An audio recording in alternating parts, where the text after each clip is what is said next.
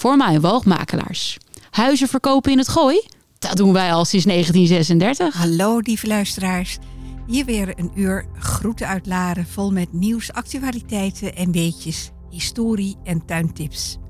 Voor wie het nog niet weet, vanaf maart zenden we voortaan uit van 4 tot 5 in plaats van van 5 tot 6. Vandaag geven we aandacht aan College De Brink, waar kook- en serveertalenten een prijs gewonnen hebben. Vertelt Erwin van den Berg wat we dit jaar met Koningsdag kunnen verwachten. Komt de wethouder van Eemnes vertellen hoe ze daar lenteschoonmaak gaan houden. En geeft hij een toelichting op de woonvisie. De wethouder van Blaricum vertelt over de Paarse Pelikaan. En de medewerker van Tergooi hoe de stakingsdag vandaag verloopt. En wat hebben waterputten in Nepal te maken met een Larense audition? We vertellen het u straks en ook wat u kunt doen als u meent een te hoge WOZ-belasting ontvangen te hebben. Dit en nog veel meer het komende uur. Vandaag is het donderdag 16 maart 2023. Vanuit de studio op de Torenlaan in Laren staat Jaap Miedema klaar voor de techniek en is de redactie en presentatie in handen van Anjo Miedema en Joke Kok. Blijf het komende uurtje maar lekker luisteren en blijf op de hoogte wat er speelt in jouw dorp. Naar aanleiding van reacties die gekomen zijn op het voorstel van de natuurlijke vijver op de Brink, heeft het team Laren Regen Klaar nog wat aanpassingen gedaan. De vijver wordt iets kleiner en de afstand tot bomen wordt 1 à 2 meter vergroot. De waterspiegel komt dan anderhalf in plaats van 2 meter lager dan het pad. De Raad zal hier op 26 april over beslissen. En het wordt nu echt lente in Laren. De poffertjeskraam gaat morgen weer open. Veel plezier allemaal.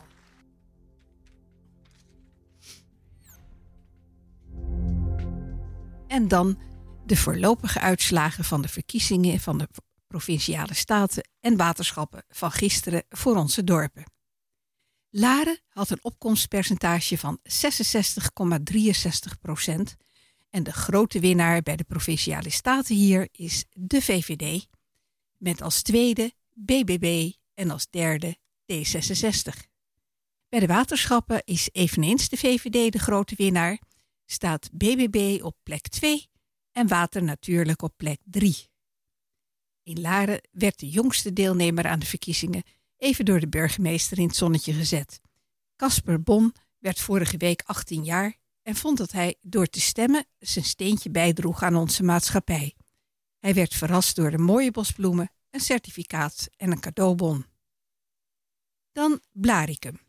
Hier kwam 65% van de stemgerechtigden naar het stembureau. De grote winnaar van de provinciale staten was eveneens de VVD, met als tweede de BBB en als derde Ja 21. Ook bij de waterschappen gaat in Blaricum de VVD vier aan kop, met BBB als tweede en Water natuurlijk als derde. Het meest agrarische dorp is Eemnes en die had een opkomstpercentage van 70,42 procent. Daar is BBB de grote winnaar. Met als tweede de VVD en het CDA als derde. Bij de waterschappen is BBB de grootste, met de VVD als tweede op de voet gevolgd door het CDA. Bij alle drie de dorpen was het opkomstpercentage voor de waterschappen fractioneel wat lager. Op onze Facebookpagina en op dorpsradio.nl staan vanavond de linkjes naar de volledige uitslagen. Bij ons aan de stamtafel zit al wethouder Theo van Rijn van Eemnes. Om u ook nog te vertellen, om u te vertellen wat de nieuwe woondeal is. Die 13 maart is ondertekend door het Rijk, provincie Utrecht en de gemeente. De woningcoöperaties in de regio Amersfoort. En hij gaat vertellen wat het allemaal precies te betekenen heeft voor Eemnes. Ja, Goedemiddag. nou, vraag. Wat heeft het voor Eemnes te betekenen? Ja, vertel eens. Nou, het is eigenlijk een bevestiging van allerlei plannen die we de afgelopen jaren hebben gemaakt. Ja, eh, en de komende jaren willen uitvoeren. En die we nu samen met eh, de overheden, dus provincie, Rijk, maar ook met eh, de woningcorporaties, een belangrijke partner van ons, hebben afgesproken voor de komende jaren. En eh, nou, dat is een mooie uitdaging, want je hebt elkaar allemaal nodig. Ja, dat snap ik. Ehm, ik heb begrepen dat in deze periode met veel onzekerheden, zoals personeelskrapte in de bouw, stijgende prijzen voor de bouwmaterialen en energieprijzen en een dalend consumentenvertrouwen, het belangrijk is om samen te werken aan oplossingen om het tempo van de woningbouw hoog te houden. Hoe gaat u dat doen? Nou ja, dat is inderdaad een hele mooie uitdaging. En nou hebben wij gelukkig bij, eh, bij de komende, eh, eh, eh, de eerste plannen die we nu gaan uitvoeren, ook dit jaar al, geen last van stikstof. Dus dat valt alweer mee. Ehm, maar ja, de markt is onzeker. En ja, dat, dat is natuurlijk eh, een lastige. Maar nou ja, goed, we hebben alle goede bedoelingen om er gewoon uit te komen. En u gaat betaalbare woningen eh, bouwen. Eh, Ja, dat is altijd nog wel een dingetje, betaalbare woningen. Want wat ik betaalbaar vind en u betaalbaar vindt, eh, daar, verschillen we ongetwijfeld van mening. Ehm, maar als ik vooral kijk naar starters, naar jongeren, ja, dan wordt het echt, echt heel lastig. Beneden de 2,5 ton kan je niks in bouwen. Eh, nu heet betaalbaar heet 355.000 euro. Er is in Eemnes geen woning te koop, bestaande woning, voor dat bedrag. Hè, dus dat is, dat is heel mooi. Maar ja, starters kunnen er niet mee helpen. Eh, de laatste woningen die wij gebouwd hebben, wat als starterswoning wegging, was 290.000 euro. Ehm, maar dat zijn dan woningen die wel al 3,5 ton waard zijn. nu. Ja, alleen Wanneer zijn die gebouwd? die zijn nu in aanbouw, die worden nu opgeleverd. Oké. Eh, en dat betekent dat eigenlijk, wij, wij leggen dan ook een bewonersplicht op van, de, van degene die het koopt. Hè, maar dat als hij de volgende dag verkoopt, ja, dan steekt hij een halve ton in zijn zak. Ja. Dat is mooi, maar het is wel gemeenschapsgeld. Dat mag niet. Nou ja, dat, dat willen we niet. En als hij dat toch doet, ja, dan moet hij een boete betalen. Oh, dus eh, wat, eh, hoe lang duurt die? Zeven jaar. zeven jaar. Ja. Ja. Ja, en daar zijn we dus echt naar kijken van hoe kunnen we starters nou helpen. Nou, dat zijn dit soort dingen. Waar je Ja. dus zegt van nou, als je zometeen een meerwaarde hebt op je woning, ja, dan moet je dan even afrekenen. Maar het- Mhm. het, het, het blijft een hele, hele moeilijke, want ja, ook zometeen de, de nationale hypotheekgrens ligt Ja. inmiddels op 405.000 euro.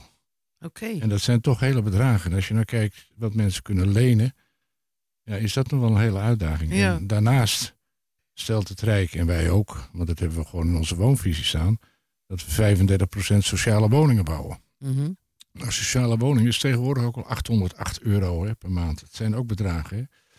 Echt waar? Ja, ja, ja, ja. Dat zijn ook bedragen. En, en, en we kijken ook naar middendure woningen. Dus Mhm. voor mensen die een salaris hebben die niet in aanmerking komen voor een sociale woning.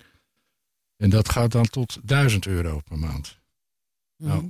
Een huurwoning voor 1000 euro per maand is ook haast niet meer te bouwen. Dus dat zijn wel hele uitdagingen die we de komende jaren gaan krijgen. Maar er zijn ook niet veel mensen die 1000 euro per maand kunnen ophoesten, denk heel ik. veel, heel veel zijn er. Toch wel? Ja, heel veel. Die komen niet in aanmerking voor een sociale huurwoning van 800 euro, zeg maar. En die moeten eigenlijk die stap maken.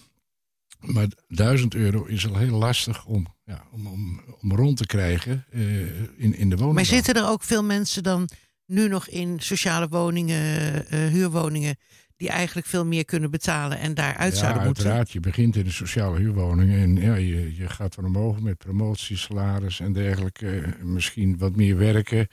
En dan zit je zo boven die grens natuurlijk. En dan zou je eigenlijk moeten doorstromen naar een, eh, een wat duurdere woning. Mhm. Ja, die zijn er ook niet. Hè. Dus, dus het, is, het is een hele ingewikkelde markt. Maar dan wordt toch ook de huur verhoogd? Het zogenaamde scheefwonen. Jawel, jawel dat, dat, dat kan. Dus je kan. Maar dat is ook allemaal eindig. Hè. Er zijn ook allemaal weer bepalingen voor. Dus eigenlijk wil je gewoon dat ze doorstromen naar een andere woning. Waardoor de sociale huurwoning weer vrijkomt. Wat wij geluk hebben dit jaar.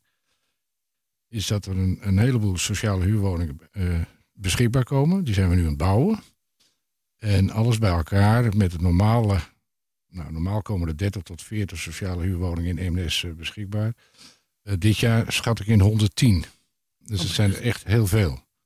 En, en, en dat betekent ook dat de woningzoekenden in EMS eh, eh, een grote kans hebben dat ze nu eindelijk aan de woning komen. En dat Ah, hopen we dan ook. Ja. Is het alleen voor Eemnessers? Of bouwen jullie voor heel Nederland? Wij bouwen voor EMS'ers. Net een- zoals elke gemeente het liefst voor zijn eigen inwoners bouwt. En dat doen we allemaal binnen de regels die er zijn. We kleuren netjes binnen de lijnen. Eh, en er is best veel kritiek op hoor. Van, van, eh, Ja, dus waar- als iemand wer- werkt in Eemnes, maar hij woont in Apkoude, dan komt hij niet in aanmerking voor een woning in Eemnes. eerst komen de, de eh, mensen die in Eemnes wonen in aanmerking. En dan de mensen die een economische binding hebben, dus die eh daar wonen of we werken. En dan gaan we weer een stap verder. eh, van in de regio Amersfoort, daar valt Laren niet onder bijvoorbeeld en Blarikum niet, want die zit in de regio Gooien-Vechtstreek. En dan gaat het weer naar, de, naar, naar, naar verder eh, in het land. Maar ja, de- in de eerste twee categorieën zijn de meeste woningen al, Zijn al eh, weg. Zijn al weg. En ik begrijp dat er nu 340 nieuwe woningen worden gebouwd. Ja. Ehm, waar worden deze gebouwd? Ja, die zijn grotendeels in aanbouw al. Eh, dus het is op het eh, terrein waar vroeger de sporthal De Hield stond. ja. Eh, en dat is op het terrein waar vroeger de school Hinksasprong stond. En daar komen met name 29 sociale appartementen. Eh, de Hield is een groot deel ook voor senioren, want het is redelijk bij, bij, het, bij de winkels en bij de voorzieningen.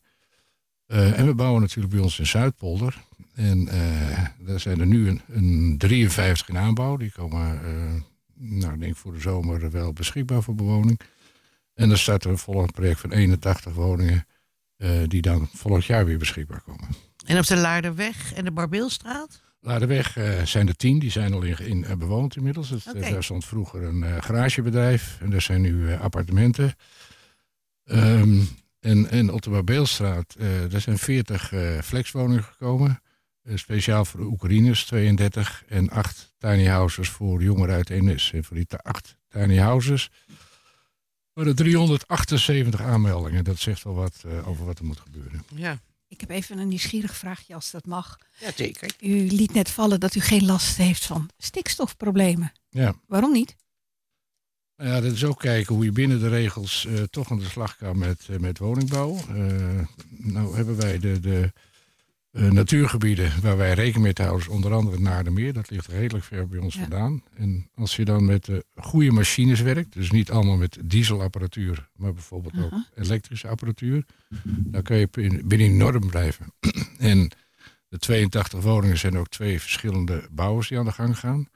En die start ook in fases. Eerst 41 met de ene en daarachteraan de andere 41. Waardoor die stikstofuitstoot gewoon binnen de norm blijft. Dus je moet heel goed opletten op Gewoon al slim dat soort... nagedacht. Oh, in plaats van dat je Ik zit vind het een mooie opmerking. Ja, Ja, ja. ja. ja, Dus het is Nee, maar je moet dus echt eh, goed heel een kijken. beetje verdelen. Ja, goed verdelen, goed kijken hoe je daar eh, mee om kan gaan. Om toch de productie van die woningen door te kunnen laten gaan. Ah, heel slim. Dank u wel voor deze uitleg. Ja. Ik heb nog een, eh, we gaan nog een tweede onderwerp met u bespreken. Ja, ik had hem door. Ehm, dat gaat over de lenteschoonmaak in Eemnes. Ja. Wat houdt dit in? Nou ja, wat houdt het in? Het is al een jaar of tien is dat aan de gang. Vrijwilligers die eh, eh, vooral op de schoonmaakdag, zoals die landelijk wordt gehouden, eh, met, met z'n allen de straat op gaan om alle prop en alle rommel van de straat af te halen. Ehm, de gemeente die stelt daar van die grijpertjes beschikbaar en, en vuilniszakken en handschoentjes en dat soort dingen meer. Oké. En dat is altijd heel leuk om te doen. En dit Mm. gebeurt dus al een jaar of tien in Ja, Eemnes? En al een heeft al een heleboel vaste mensen die dat komen doen? Ja, en er zijn ook mensen die gewoon de grijper mee naar huis nemen. En elke week als ze met de hond gaan wandelen, het ding meenemen en eh, op hun route eh Oké. meenemen. Zijn, En wanneer gaat dit gebeuren, die grote schoonmaak? nu is het aanstaande zaterdag. En eh, ehm, we vertrekken allemaal vanaf het eh, Huis van Eemnes, tenminste het meeste. Want er is ook een hele groep. Vanaf hoe laat? eh, ik meen om tien uur. Oké. Ja, en, eh, maar er is ook een groep eh, die, die maakt de straatjes in het eiland van Eemnes schoon. Hè, dat Mhm. is tussen Laren en de A27. Dus die vertrekken ook gewoon daar. En, maar we hebben ook heel veel eh, eh, vrijwilligers die door het jaar heen dit doen. En ook schoolklassen die, die gewoon als ze toch naar gymles gaan in het huis van Eemnes... op de terugweg als ze weer naar school gaan een grijper bij zich hebben... en allemaal de, de spulletjes uit de struiken halen. En die kunnen ze dus halen bij het gebouw van... eh, eh, Nou, nu is bij het Huis van van- zaterdag. hè, daar is alles eh, beschikbaar. En tussen de middag daar wordt er ook voor een lunch gezorgd. En een kopje soep. En eh, eh, het is gewoon een hele gezellige dag, ja. eh, waar, je kan me je aanmelden bij Erik Ruisendaal, heb ik begrepen. Ja, ja. En dat is ook Huis van Eemnes. Kan je ook gewoon naar het Huis van Eemnes gaan zaterdag? Ja, het beste is even aan niet te, melden. hebt? Want dan hebben we natuurlijk de, de materialen voldoende in voorraad. Maar als je denkt van nou, ik vind het eh, mooi zonnig weer vandaag. En ik wil graag meehelpen. Dan ga dus naar het Huis van Eemnes en help mee. Oké. Ja. Ik zal eh, zorgen dat eh, de- het eh, e-mailadres en het telefoonnummer op onze pagina komt te staan. Dan weet ik zeker dat het goed gaat komen. Ja, dat u nog meer mensen krijgt. Helemaal. Hartstikke goed idee. Dank u wel. Goed zo.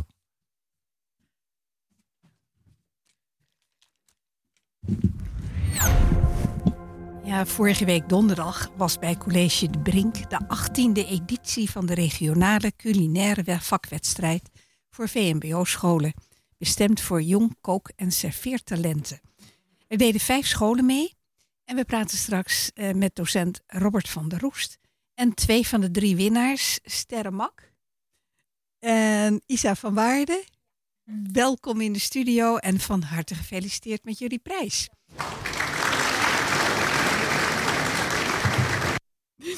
Wat hebben jullie precies gewonnen?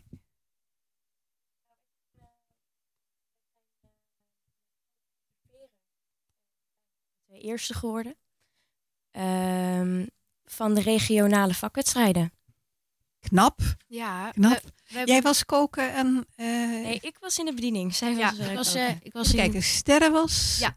ik zat in de keuken. in de keuken en Isa stond in de bediening. Ja, dat klopt. Oké. Ja. Wat was nou jullie grootste uitdaging? Ehm, ik vond het wel de grootste uitdaging om een vegan menu te maken. Ehm, het viergangen menu dat we hebben gemaakt was helemaal vegan en dat vond ik wel eh, lastig, maar het is toch gelukt. Mooi. En het, eh, het serveren, dat, volgens mij ging je dat heel erg goed af, hè? Ja, wij hebben ook op, eh, op school hebben wij op donderdagavond hebben we altijd avondlessen gehad.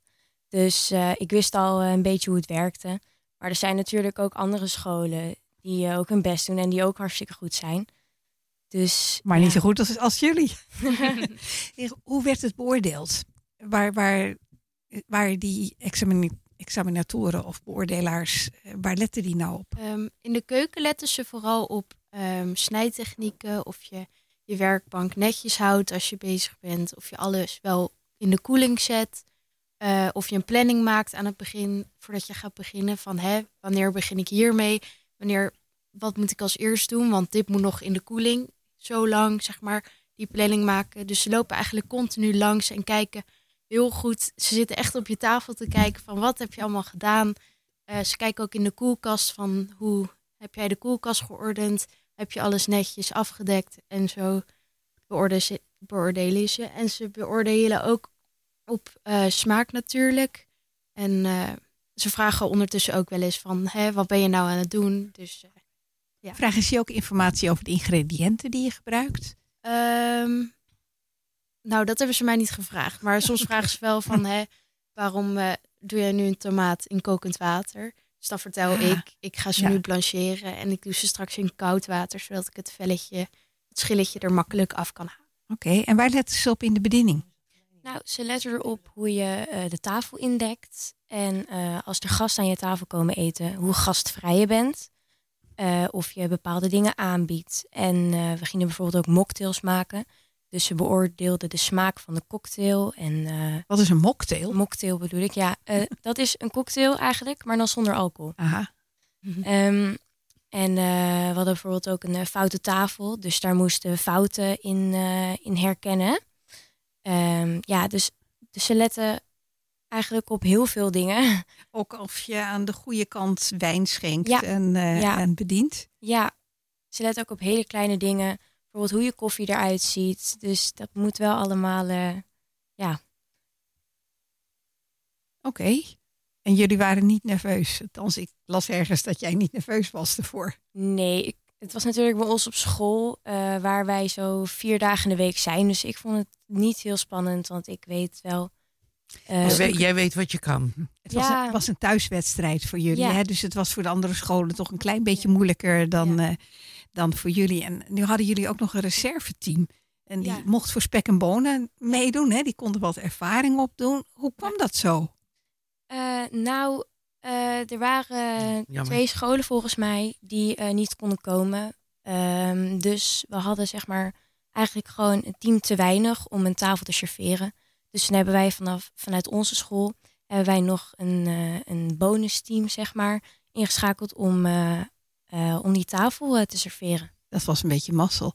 En als het goed is, zouden we nu jullie docent eh, Robert van der Roest aan de telefoon hebben. Ja. En ik wilde hem vragen van hoe komt jullie school nou eigenlijk op zo'n hoog niveau terecht? Mhm. Maar eh, hij is er niet. Oh, oh, oh. Dus hij neemt niet op. Dus ik ga het aan jullie vragen. Waarom is jullie school nou op zo'n hoog niveau? Hoe komt dat?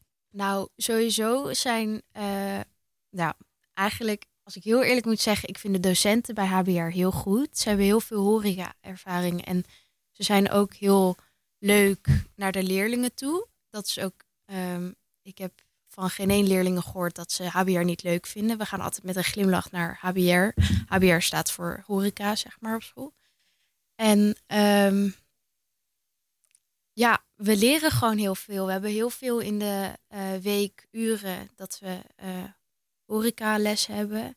En eh, ja, Is het nou op andere scholen anders? ehm, nou, Ja. ja, dat, ja, Dat weten we eigenlijk niet. Nee, je Eh, praat niet met de andere teams? nee. Nou, nee, eigenlijk niet. Nee, ik heb sowieso tijdens de wedstrijd ook niet echt op andere teams gelet. Oké. Ik heb ook heel erg op mezelf gelet. Dus. En eh, gaan jullie nou ook voor het landelijk kampioenschap? Ja. Ja. ja? Met één of twee teams? Of mag maar één team? Ehm, een team. Team. Eén ja, team. En ja, dat zijn jullie dan, ja, hè? ja. En Nou, nog één iemand. eh, Ja, oké, team. die, eh, Ja. die, die is er dan niet. Ehm, nou, eigenlijk denk ik dat de krant het beste compliment had. Want die vond dat eh, jullie diner zo op een rest- in een restaurant op tafel gezet Ja. kon worden. Dus mensen, ga zo door. Van harte gefeliciteerd. En heel veel succes straks bij het landelijk kampioenschap. Wanneer Ja. is dat? 30 maart. Nou, heel Ja. veel succes. Dat is al snel. Ja. Dank jullie wel. Dank u wel. Dank u wel.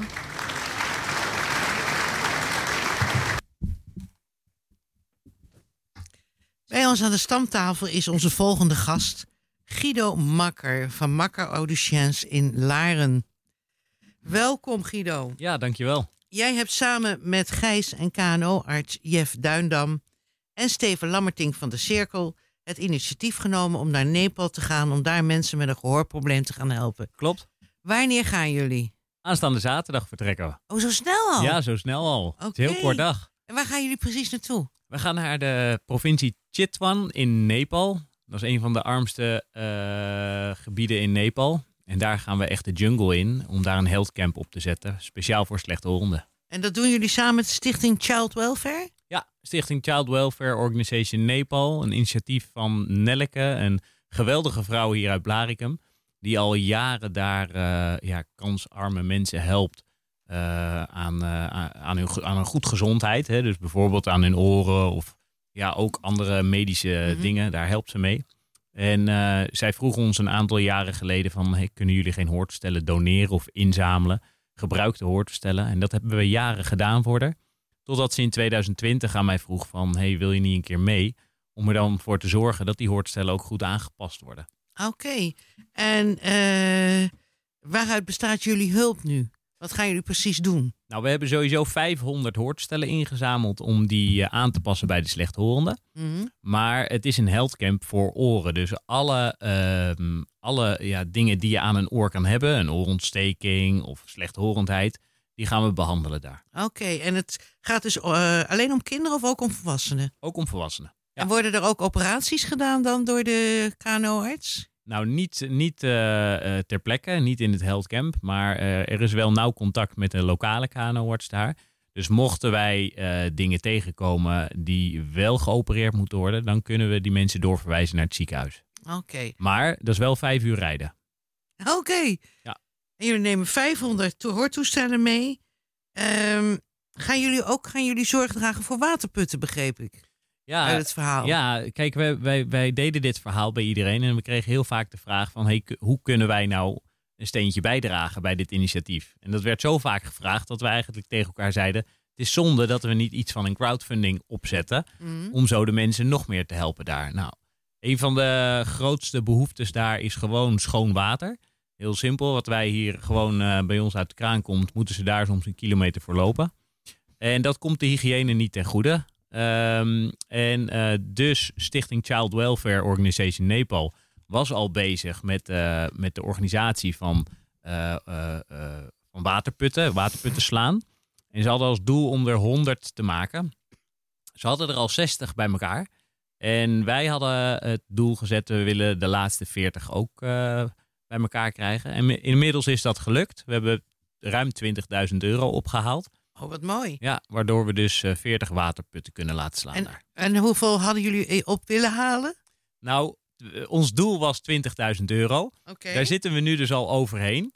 Maar ja, hoe meer waterputten, hoe beter natuurlijk. Dus Ja. eh, wij gaan gewoon vrolijk door. Dus de mensen kunnen nog steeds doneren als ze willen. Ja, heel graag zelfs. Eh, Ze kunnen doneren via de website eh, doneeractie.nl. Dan zoeken op Goed Horen voor Nepal. En dan eh, zie je onze actie erbij staan. Oké, nou dat gaan we op onze website zetten van Dorpsradio Ja, leuk. en van dit programma. Hartelijk dank voor je verhaal en wij vinden het een geweldig initiatief. Super. Dankjewel. Dank je. Bij ons is wethouder Joke Lamve. Welkom. U bent op Dank werkbezoek geweest bij, met andere wethouders bij de stichting Paarse Pelikaan. Eh, kunt u ons vertellen wat de Paarse Pelikaan precies is? Ik had er nog nooit van gehoord. Dat kan ik zeker. Ik ben ongeveer zes jaar geleden voor het eerst naar de Paarse Pelikaan gegaan. En toen zaten zij alleen nog in Hilversum. Ik zag recent dat ze ook in huizen zitten. Dus ik was gewoon benieuwd van hoe gaat het nu met ze. Toen ze, ik denk zeven jaar geleden begonnen, was het een nieuwe aanbieder van, eh, zeg maar, in het sociaal domein. En eh, ze waren er nog steeds, dus ik was gewoon heel nieuwsgierig. Ehm, ik ben net eh, geweest vanmiddag, dus jullie zijn eh, mij op de voet gevolgd, zo gezegd. Dat klopt. Nou, de Paarse Pelikaan is eigenlijk een organisatie waarin ongeveer twintig mensen als ZZP'ers werken om mensen met gespecialiseerde begeleiding in de WMO, dus de wet maatschappelijke ondersteuning, vooral voor inwoners die al volwassen zijn, maar het gaat eigenlijk heel vaak om het hele gezin of het hele systeem waarin iemand woont, te helpen met vragen die zij heel moeilijk vinden in hun leven, waardoor ze eigenlijk eh, nou, enigszins buiten de boot vallen. Eh, waar je aan moet denken, want dat he- hebben ze mij ook verteld, is dat het mensen zijn die eh, bijvoorbeeld huiselijk geweld meemaken. Mensen zijn die met afstand tot de arbeidsmarkt, maar die ook thuis heel ongelukkig zijn. Ehm, partnerrelatieproblemen, maar ook mensen die eh, onvermogen hebben om goed met hun kinderen om te gaan. Dus er zijn allerlei verschillende vormen van hulp die zij bieden. En wat het allerbelangrijkste was, en daarom ben ik ook zes jaar geleden naartoe gegaan, omdat zij eigenlijk een nieuwe aanbieder waren voor multiprobleemgezinnen. Dus gezinnen waar het niet bij één probleem blijft, maar een heleboel problemen tegelijk. En waar vaak de ouders natuurlijk ook een van de spelers zijn in het ontstaan van de problemen en het ook niet kunnen oplossen van de problemen. Ja, ik heb begrepen dat indien de situ- situatie dat vraagt, ze zelfs binnen 24 uur kunnen helpen, dat ze geen wachtlijsten hebben, klopt dat? Dat las ik ook op hun, ehm, op hun website. En dat is natuurlijk heel spannend, met name in het, kader van het sociaal domein. Waar ik zes jaar geleden om vroeg, is hoe kun je een gezin als huisarts daar naartoe verwijzen? Want de, zes jaar geleden was ik huisarts en geen wethouder. Eh, en eh, toen zeiden zij dat kan. En dat vroeg ik vandaag weer. Ik zeg, komen er veel verwijzingen vanuit de huisartsen naar jullie toe? Dat is wel zo, maar uiteindelijk hebben alle mensen die daar hulp krijgen, wat door de gemeente wordt betaald, ook een toekenning van de gemeente nodig. En die moeten dus, als ze zich aangemeld hebben daar, toch zelf ook naar het loket van de gemeente om daar een toekenning te krijgen. En dan kan je toch niet binnen 24 uur hulp geven? Je kan wel terecht in de zin dat je contact krijgt. Mhm. En de vraag is hoe snel dan die hulp gaat lopen. Zij werken maar met 20 mensen. Ik Mhm. hoorde vandaag, ze hebben ongeveer 200 casussen. Dus 200 individuen, gezinnen of hoe je het noemen wilt. Hè. Zij hebben bijvoorbeeld ook contact gehad met de gezinnen die in onze regio eh, slachtoffer waren van die toeslagenaffaire. En hen geholpen om door die balkenbrei heen te komen. Want het is natuurlijk een hele balkenbrei om dat allemaal weer eh, goed te krijgen. Ehm, zij werk, hebben maar een beperkt aantal mensen in dienst, of in ieder geval vanuit hen georganiseerd, die dit werk doen. Dus Ja. of het, ehm, de hulp ook direct binnen die 24 uur op gang komt, weet ik niet. Maar ze zullen wel binnen die 24 uur het contact leggen. Wij zijn dus ook de mensen die bij wijze van spreken bij huiselijk geweld, dan moet er natuurlijk sneller ingegrepen worden, zelfs als dan 24 uur.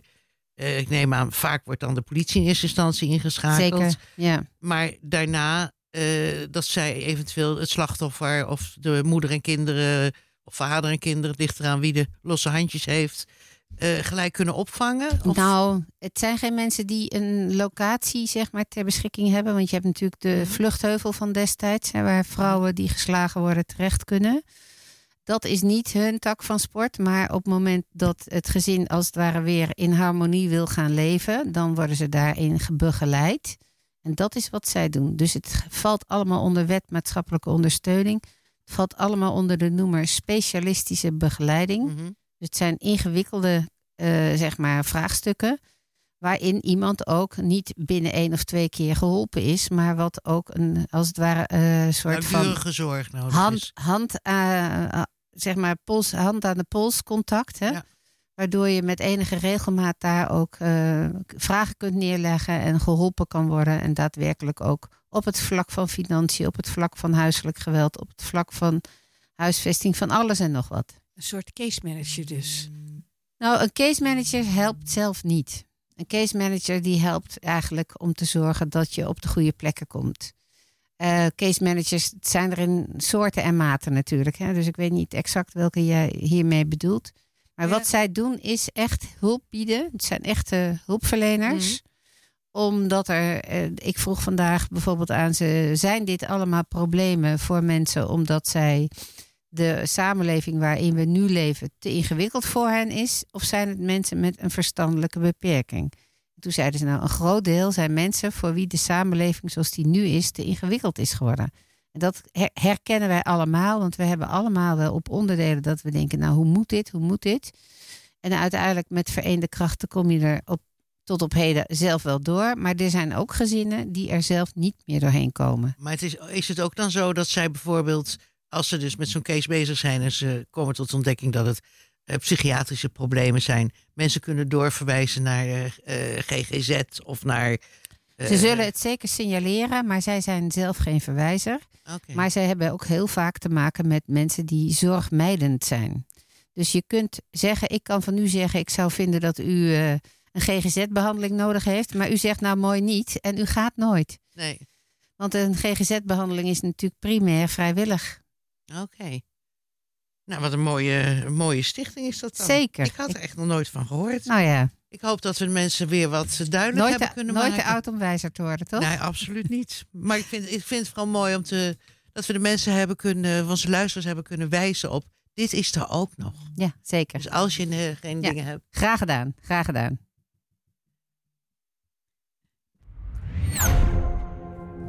Dan hebben we de staking in Tergooi. En als het goed is, hebben we Jurre Kok. Die is lid van het actiecomité aan de telefoon. Maar die is nog bezig met zijn staking. Dus dan pakken we eerst even het volgende onderwerp. Erwin van den Berg die gaat ons vertellen over wat wij kunnen verwachten met Koningsdag. Erwin, welkom in de studio. Welkom. Ehm, jij bent voorzitter van de Oranje Vereniging, fractievoorzitter van het CDA en organisator van de komende Koningsdagviering in Laren. Ja. Je kijkt me heel indringend aan. Nee, nee, nee. Ik ben nog eh, inkomend voorzitter van de Rotary Laren Blaricum. En eh, ik werk ook nog. Echt waar, nog tijd voor. Ja, ook nog net tijd voor, ja. Oké. Nou, wat kun- Dankjewel voor de uitnodiging. nou, vertel, wat kunnen we verwachten met Koningsdag? Nou, eh, zoals wij ehm, eh, eigenlijk in Laren gewend zijn. Ehm, eh, 's ochtends vroeg wordt door de stichting Le Boc, net als afgelopen jaar, de Piekjesmarkt weer georganiseerd. Nou, leuk. De Kiesmarkt. Ehm, eh, en dan eh, is het vanzelf op een gegeven moment eh, rond een uur of tien dat Sint-Jan in de muziektent voor de Basiliek gaat spelen. Dan ehm, eh, gaat de burgemeester de obade doen, felicitaties uitspreken. We gaan degene die in Laren een lintje krijgen nog even eh, in de muziektent eh, op, het, eh, op het podium roepen. En dan beginnen we met ons eh, traditionele ringsteken met eh, paarden en eh, ponies en rijtuigen. En nou, dat is altijd rond een uur of twaalf klaar. En dan gaan we rond om half één, één uur, hebben we nog een optreden van de MCC, de drumband. En dan gaan we gezellig vervolgens met medewerker van Harm Kremer uit Blaricum... gaan wij ringsteken met cabrio's, alleen voor dames. Ja, ik En dan, gezien eh, vorig jaar. Ik vond het geweldig. Ja, doen we al een aantal jaren. En dan, ehm, en dan wordt het ergens in de middag. En ondertussen, eh, wat we ook vorig jaar voor het eerst hebben gedaan, is met eh, Mark Timmerman van de Courier. hebben we een soort tourier op tour gemaakt. Dus we, gaan een, we hebben een, een, een horeca met terrasje bij de muziektent. En dan hopen we verder nog een gezellige middag te hebben. En doorlopend is de hele dag van 9 tot 6 er een braderie. Uh, niet meer zo groot als vroeger, maar wel een leuke braderie. En uh, nou ja, dan hebben we in ieder geval denk ik een leuk dorpsevenement. Heb je nog mensen nodig, vrijwilligers? Ja, dat is. Uh, wij zijn op zoek naar vrijwilligers die vooral op Koningsdag zin hebben om te werken. De meesten willen alleen maar Koningsdag vieren. Nee, op een gegeven moment. Uh, ja, maar dat is een beetje het lastige. Uh, waar ik wel erg blij mee ben, laat ik dat gezegd hebben. Want wij hebben vorig jaar, zeg maar, qua Piekjesmarkt moesten we gewoon. Uh, ja, onze inzet zeg maar, aan de wil gehangen. Mm -hmm. En dat vond natuurlijk niemand echt leuk. Maar daar ben ik wel erg blij mee dat de heren van Lebok dat hebben gedaan en ook weer willen doen.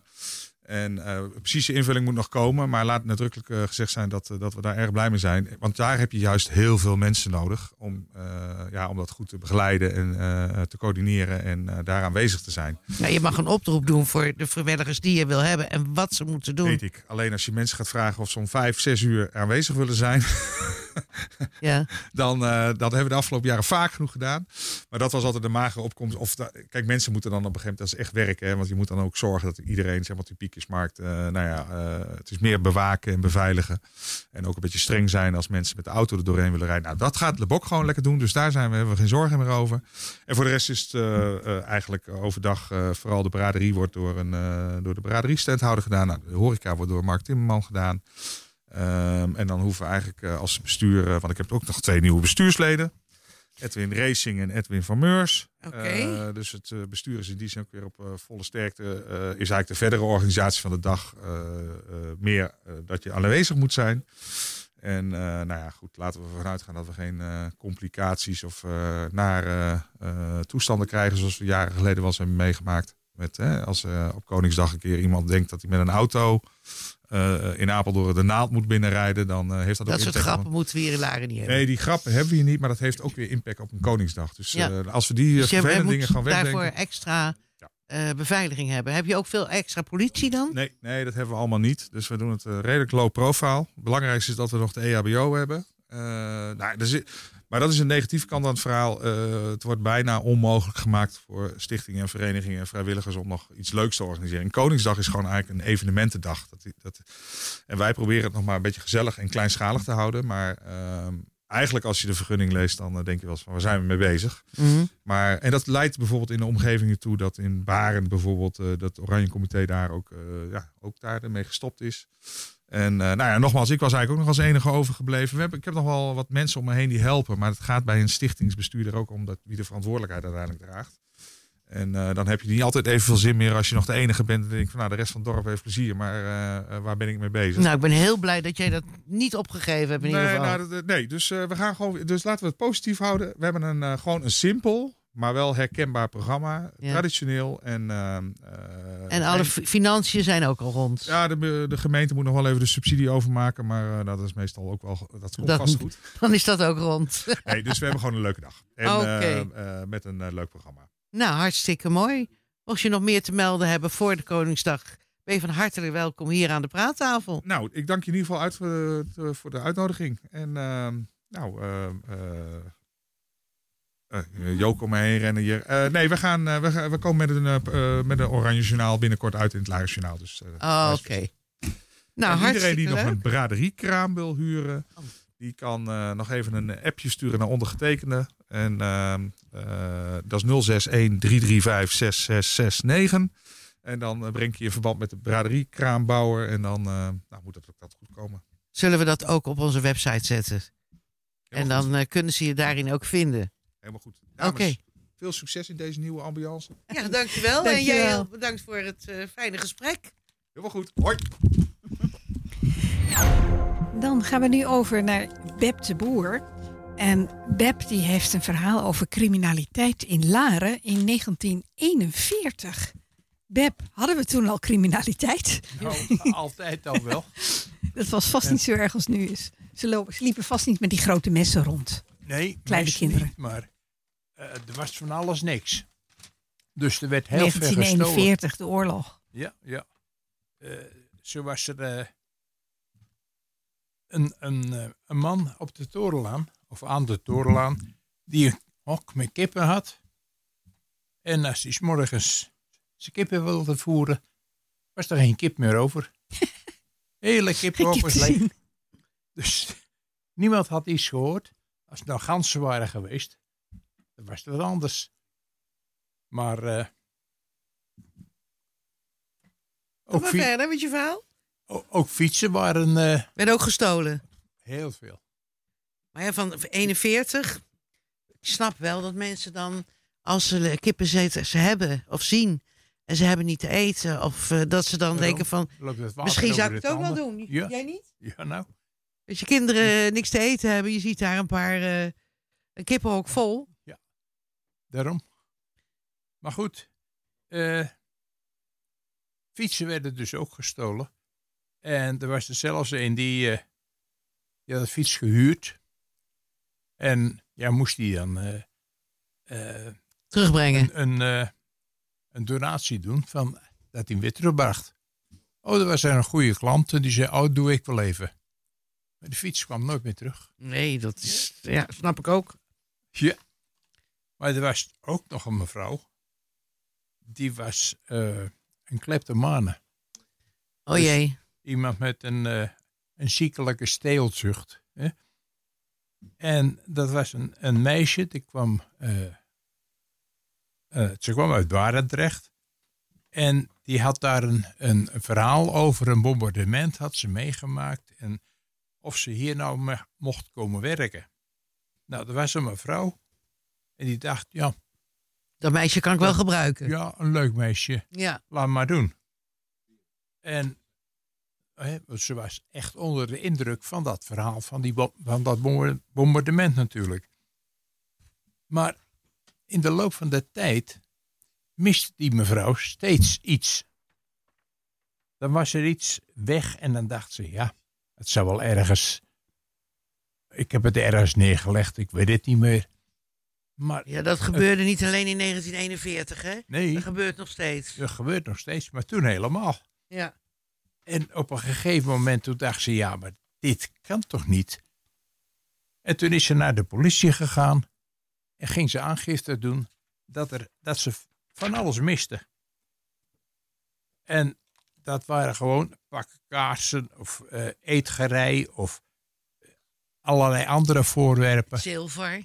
Eh, ta- tafelzilver vooral. zilver. En eh, toen kwam de politie bij haar, bij dat meisje thuis. En er stond de hele kamer vol met van alles. Met allemaal mooie spullen van die mevrouw. Ze hebben een handkar genomen. En die handkar- Zoveel? Zoveel. Een handkar vol met spullen ging van haar kamer naar het politiebureau. En terug naar die mevrouw En natuurlijk. terug naar die mevrouw. Nou, wat een nare meid. Ja, ja en ze, ze bekende ook echt dat ze gedaan had. Ja. Er werd zelfs een cocker spaniel ges- gestolen. Ach, Ja, ja. Dat, eh, je houdt het niet voor mogelijk. maar die is wel teruggevonden? Die is weer teruggevonden. Oh, gelukkig. Ja, ja. Nou, Beb, Dus dank je wel. Dank je wel. Een stukje cri- criminaliteit. Hartstikke leuk. Oké. En van de criminaliteit gaan we nu over naar de stakingsdag in het Gooi. Want vandaag, donderdag 16 maart, is er een landelijke staking van het ziekenhuispersoneel van Ter Gooi. Onder andere om meer salaris. De ziekenhuizen hebben 13% in twee jaar geboden, maar dat vond men niet vol- voldoende. Ehm, ik praat met Jurre Kok. Hij is lid van het actiecomité Ter Gooi. Jurre, welkom in de uitzending. Ja, goedemiddag. Ehm, hoe is deze dag tot nu toe verlopen? Ja, heel, eh, heel goed eigenlijk. Eh, het, het is nu een beetje zo'n beetje aan zijn einde gekomen. We zijn vanmorgen om 7 uur begonnen in Blaricum.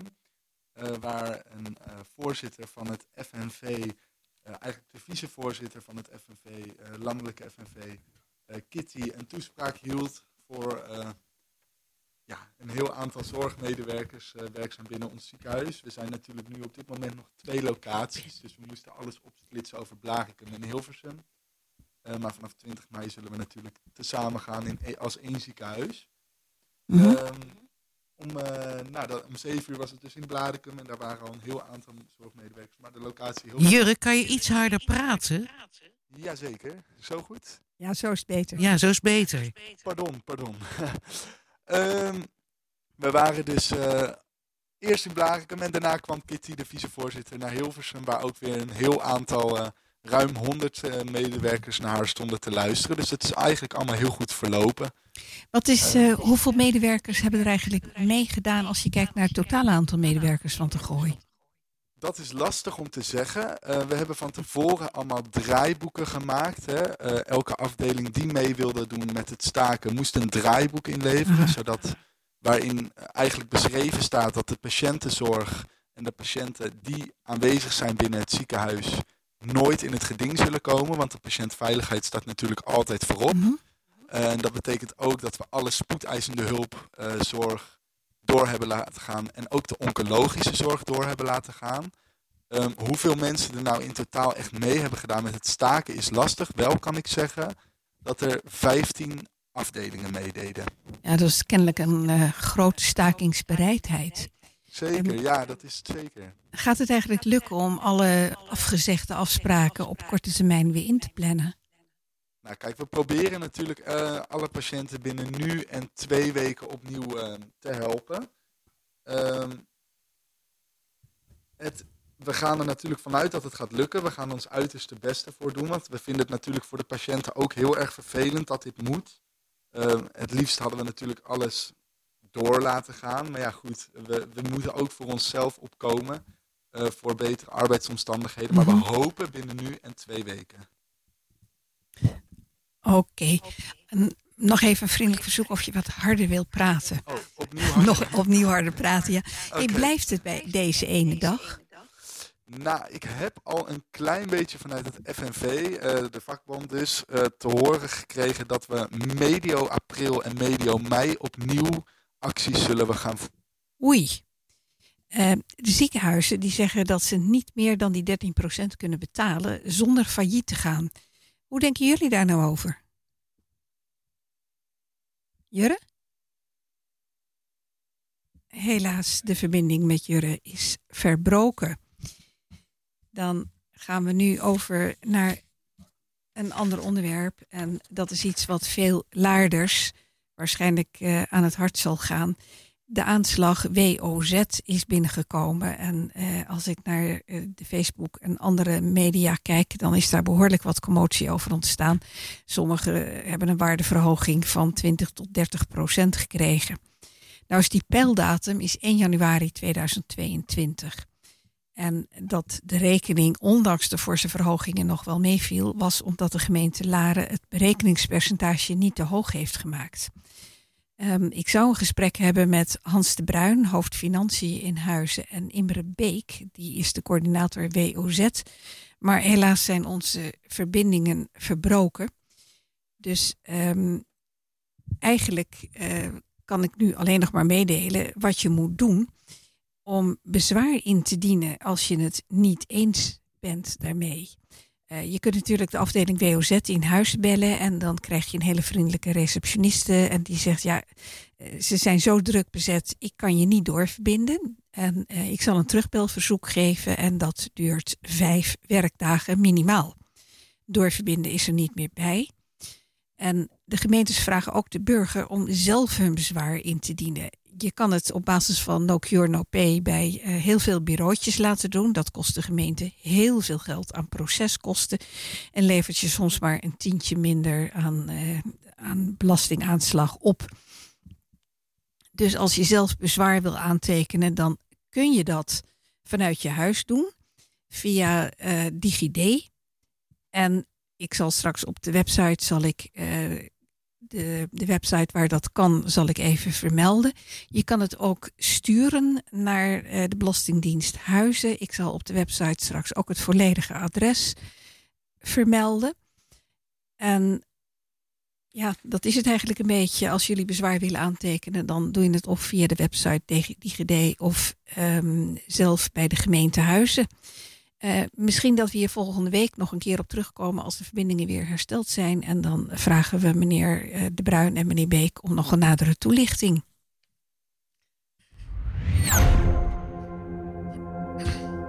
Nou, dan gaan we over naar Gerard Kales. Die gaat ons tuintips geven. Over het verplanten, het scheuren en de bloemenborden opnieuw opbouwen. Gerard, brand los. Goedemiddag. Hallo. goedemiddag. Ja, het weer dat, eh, begint een beetje eh, los te barsten.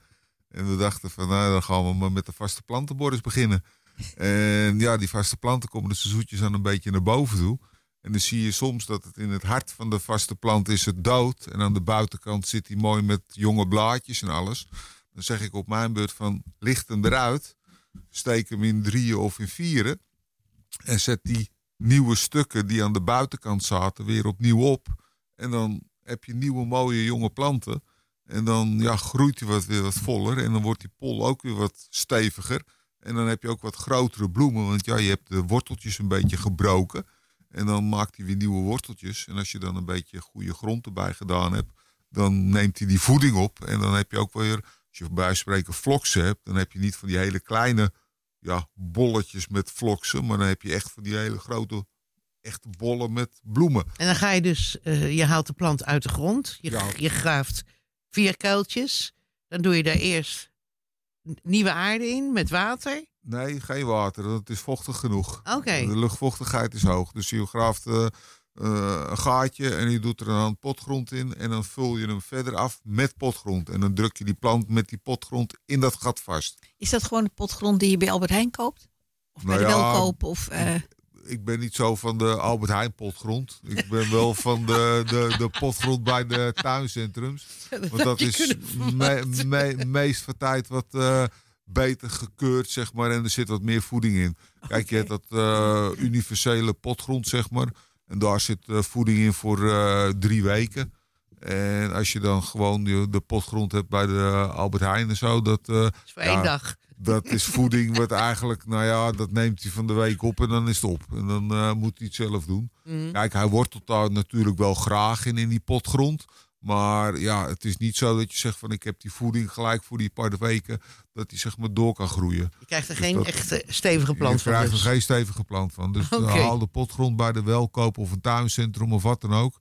En kijk altijd op de zak of er RAP op staat. Wat betekent dat? Eh, dat is een keuringsmerk voor de handelspotgronden. En die keuren de potgrond. En dan weet je zeker dat er geen onkruid in zit. En dat die gestoomd is. En dat er voeding in zit. En al soort dingen nog meer. Ah. RAP. RHP. RHP. Ja. RHP. Rinus Hendrik Pieter. Oké. Dus, en ja, de vaste planten opbouwen. Kijk, je kan eh, de grote vaste planten voorzetten. Maar wat erachter zit, zie je dan niet meer. Dus ik zou aan de voorkant van de border, dus het grasveld en dan de border, de lage vaste planten zetten. En dan de half hoge in het midden en dan de hoge. Of je moet zeggen van ik heb een hele platte border die helemaal egaal in één geheel is. Dan kan je van die solitaire er zo her en der tussen zetten. Dat is natuurlijk ook Die wel- weer wat hoger zijn. die zijn dan weer wat hoger. Dus je hebt eh, een heel vak met bij wijze van spreken eh, vrouwenmantel. Ja. En dan doe je van die grote groepen met lavendel tussen zetten. En die Het, gaat bij mij altijd dood, lavendel. lavendel die komt dan wat hoger op. En dan heb je zeg maar een, een grotere groep in de vrouwenmantel zitten. Maar hoe kan je lavendel goed eh, in de grond zetten en goed houden? Eh, de lavendel die moet je nu terugsnoeien.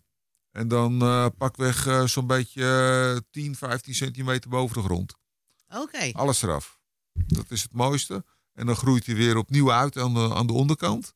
En dan als je dan zeg maar een, wat langer wil profiteren van de lavendel, dan moet je zeggen van nou ja, kijk, nu komen de knopjes erin en de bloemetjes. Ik zal hem voordat hij gaat bloeien, knip ik hem nog een keer af. En dan weer op die 10, 15 centimeter. En dan maakt hij nog weer een dikkere bos.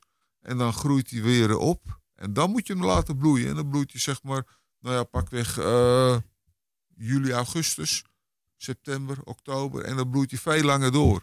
Dus dan heb je veel meer kleur in het najaar. Dus dat is eh, ja, wel een dingetje dat ik zeg van, eh, ja, lavendel moet je snoeien. Dat En die is- kan je ook eh, scheuren of... Nee, een lavendel is een beetje een houtachtig gewas. mhm. En ja, dat is net als een roos, zeg maar. Maar een roos is dan net weer wat anders. Maar een lavendel is dan wat houtiger. En die moet je dan zeg maar gewoon afknippen. En dan dat jonge groen, dat komt er dan uit, uit de grond. En dan heb je zeg maar de, de nieuwe bos die eigenlijk Dus je dan... kan, hem, je kan niet van die ene bos lavendel Nee, nee, twee nee, bossen maken. Dat, dat, dat gaat niet. Dat, Dat is net eh, als met een roos lukt dat ook niet mee. Dat, lukt ook niet. Nee, nee, nee, nee. Maar ja, de, de- zoals een, eh, een vaste geranium, die moet je natuurlijk ook weer niet te dicht aan de rand van het gras zetten. Want als je dat geraniumplantje hebt, nou ja, die groeit zo'n beetje rond de 15, 20 centimeter uit. Dus als je hem te dicht aan de rand zet, dan denk je, oh ja, ik heb dat zo netjes mooi gepoot. Maar dan groeit hij over je gras heen. En dan, ja, dan ligt dat op dat gras, dan sterft dat gras weer af. En dan, ja, dan heb je op een gegeven moment weer een kaal stuk. Dus dan zit je in het najaar weer van, nou ja, ik heb hem afgeknipt en ik heb een hele kale rand erin zitten. Dan zie je in één keer zo'n zo'n rare slinger in je grasveld zitten. Dus plant, planten die zeg maar uitdijden of bodembedekkers Breed- worden. breed worden, verder van je grasrand af. Oké. Dan heb je veel meer eh, ja, ruimte, zeg maar, dat je zegt van eh, ja, stoeling, dat die uitgroeit. En wanneer kan je dan je potten gaan vullen? De potten gevuld. Ja, nu kan je natuurlijk potten vullen met viooltjes en bloembolletjes die er allemaal zijn. En, eh, vergeet me niet, eh madeliefjes en al zulke soort dingen. Die kan je nu al buiten Die kan zetten. je nu bij- volop Die buiten kunnen wel zetten. tegen de kou. Ja, ja. Kijk, de, het zomergoed zou ik nog niet aan beginnen. Het is er al wel. Want eh, wij waren van de week op de veiling en nou ja, volop magrieten en alles, dat was er al. En eh hibiscussen, citroenplanten, mandarijnplanten, alles is er allemaal al. Maar die overleven Maar het niet. Die overleven het. We krijgen nog een keer een nachtvorstje en een dingetje. En dan heb je net de tik dat je zegt van eh, ja, dat Jammer. is jammer. Dus dat, eh, daar zou ik heel even mee wachten nog. Oké, en de eh, groentetuin, wanneer ga je dat... eh, De groentetuin, nou ja, als het eh, goed is, dan ben je er nu volop mee aan het eh, spitten en aan het omzetten.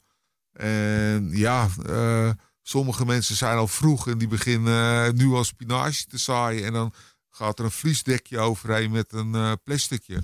En dat doen ze dan elke keer omdraaien. Dat, het, dat het vocht wat erin zit, dat, dat, dat dan weer weggaat. Want anders wordt het weer te vochtig en dan gaat het kiem weer smelten of eh, vochtig worden en smetten. En dan verrot het eigenlijk. Maar als je dan zeg maar nu spinazie zou zaaien, zou dat opkomen. Oké. Ja, gras zaaien nu ook. En dat komt nu ook heel zo zoetjes al een beetje op. Nou, dankjewel weer. Geen We, dank, graag we zijn gedaan. weer een heel stuk wijzer. Doen we. We zijn weer aan het einde gekomen van ons programma. Bedankt allemaal voor het luisteren en we hopen dat u weer iets wijzer bent geworden. Onze gasten ook bedankt voor hun tijd en toelichting. En volgende week zijn we er weer met een nieuwe aflevering van Groeten uit Laren. Kijkt u nog even op onze Facebookpagina of op dorpsradio.nl. Daar staan vanavond alle websites en eventuele adressen en telefoonnummers vermeld, zodat u alles nog even rustig kunt nalezen. U kunt ook het programma terugluisteren vanaf morgen op dorpsradio.nl.